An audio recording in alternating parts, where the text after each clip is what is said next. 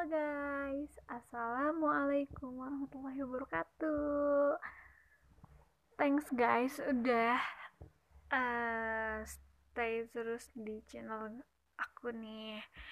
Oke, aku punya janji nih sama kalian Karena episode kemarin kan baru open gitu kan Baru perkenalan doang. Uh, Jadi aku sekarang mau mulai hmm, sharing nih ke kalian tentang kebucinan aku. Oke, jadi uh, ceritanya tuh gini nih. Uh, maaf ya kalau misalkan logat aku agak sunda-sunda gitu. Uh, jadi tahun 2000 berapa ya? 2000 18 atau ya 2018 kita 2018 aku uh, putus dari uh, mantan aku. Lalu udah gitu kan udah seling berapa, beberapa bulan kemudian entah lima bulan sampai enam bulan kemudian uh, aku nggak memutuskan untuk pacaran dulu. Jadi ya oke okay, aku mau menikmati kesendirian aku nih dengan menyibukkan diri. Karena uh, dari situ juga aku kan baru lulus baru lulus apa? Baru lulus sekolah 2017 nah terus udah gitu aku mau fokus buat uh, kerja dulu aja gitu kan. Terus udah gitu nah uh, aku kan aktif di sosial media gitu kan. Nah uh, suatu hari ada yang nge-DM ke aku. Uh, sebelum aku balas DM pasti aku nge-stalk dulu kan. Nah terus udah gitu nggak lama dari DM dia baru nge-follow aku. Baru nge-follow aku aku langsung uh, apa tuh namanya langsung follow back terus aku baca DM-nya ya aku bales kan.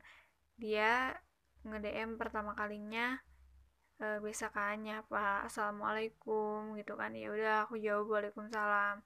Dan ke sini ke sini ternyata e, dia sabem kan. Dia pelatih taekwondo waktu di sekolah SD aku. Tapi setelah aku lulus ternyata Nah, nggak jauh tuh dari SD aku ke rumah tuh. Nah, terus udah gitu, uh, seling beberapa waktu ya kita untuk memutuskan ketemu dia ngejemput ke rumah dan udah gitu ya udah uh, kita ngobrol panjang lebar di suatu tempat di cafe di Bandung. Terus udah gitu uh, udah nih pulang kan. Udah kita lanjut chatting kayak gitu kan. Nah pertemuan kedua waktu mau pulang ke rumah dia nembak nih. Terus udah gitu uh, ya aku belum bisa terima dia gitu kan. Belum bisa terima dia karena ya alasannya yaitu aku nggak mau dulu pacaran kita temenan aja dulu gitu kan. Uh, dan dia tuh orangnya baik banget baik banget. Dan uh, karena aku ngelihat dari cowok tuh dari sisi ibadahnya kan. Dan dia tuh anak kajian gitu. Terus udah gitu pertemuan ketiga aku diajak kajian nih. Ya udah aku ready gitu kan. Karena baru pertama kali aku diajak kajian sama cowok. Karena sebelumnya ya aku uh, paling menghadiri majelis taklim kayak gitu sama teman perempuan aku kan terus udah gitu uh, ya udah sampai sana uh, oh iya waktu dari sebelum berangkat ke kajian tuh dia otomatis izin dulu kan ke orang kedua orang tua aku. Dan dari situ ya orang tua aku mengizinkan. Nah seling beberapa waktu orang tua aku ya nanyain dia gitu kan gimana sih orangnya? Kayak gini ya aku jelasin dia begini begini begini. Dan dari situ eh, terutama mama aku sangat setuju sama dia sama beliau gitu kan. Ya siapa sih yang gak tertarik dari apalagi masalah agamanya dia udah it's okay gitu buat kayak ya mungkin kalau dijadiin imam yang baik insya Allah jadi imam yang baik gitu. Karena ya orang tua aku pun menilai dengan baik gitu. Terus udah gitu eh, ya udah kita jalanin biasa kan. Lalu uh, setelah beberapa aku udah dekat sama dia kita memutuskan untuk pacaran kita mau untuk memutuskan pacaran seling aku dapat kabar. Kalau dia tuh di pekerjaannya tuh mau habis kontrak. Nah setelah dia habis kontrak dia ikutan job fair di salah satu universitas di Bandung.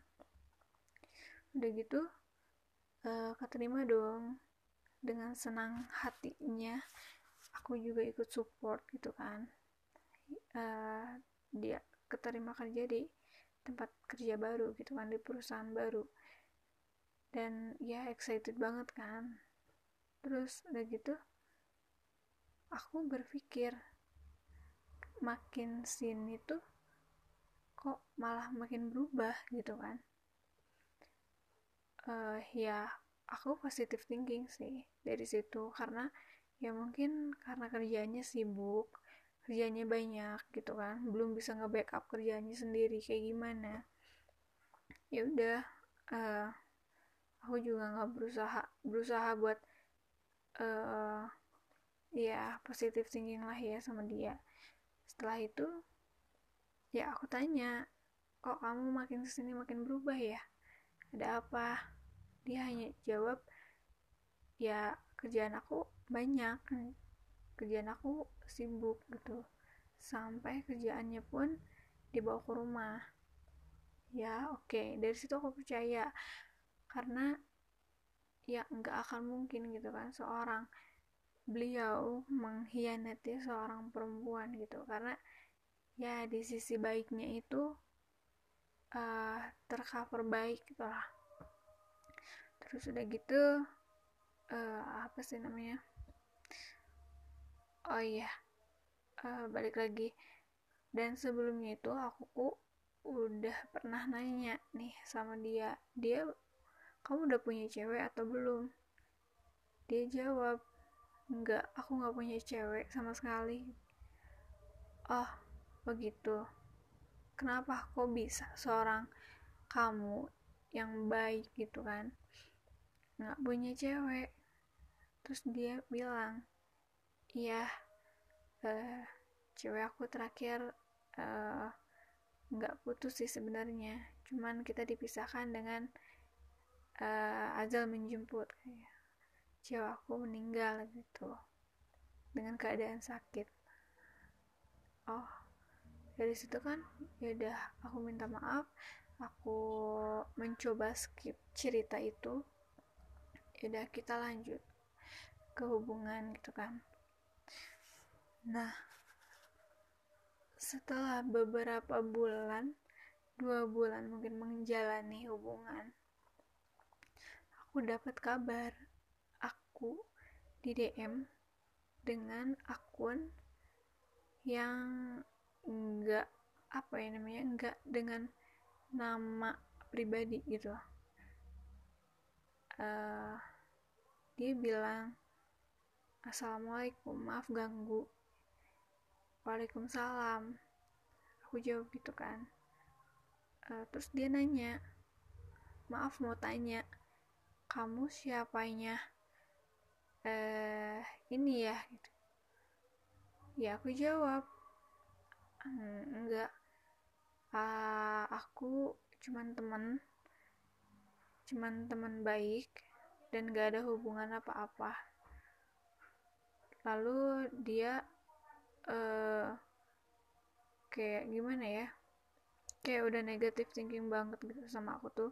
Udah kayak bawaannya tuh panas bawaannya tuh marah-marah dan aku tanya maaf anda siapa?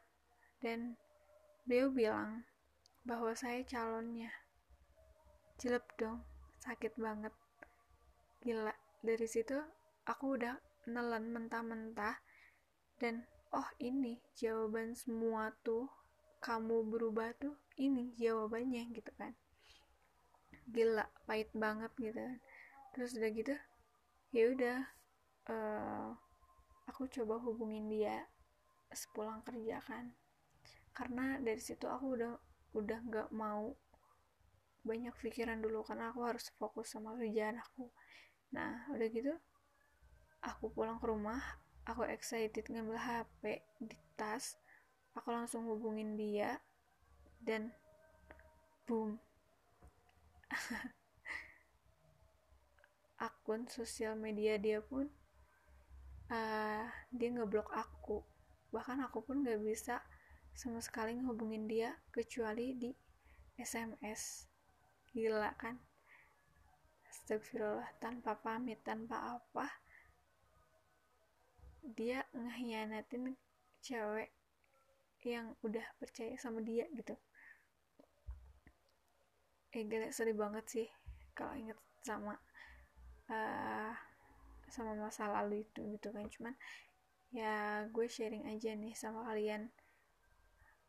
Karena ya biar kalian tuh nggak salah buat memilih cowok nggak nggak asal percaya aja sama cowok gitu belum tentu kok yang kelihatan baik alim kayak gitu sesuai yang kita harapkan.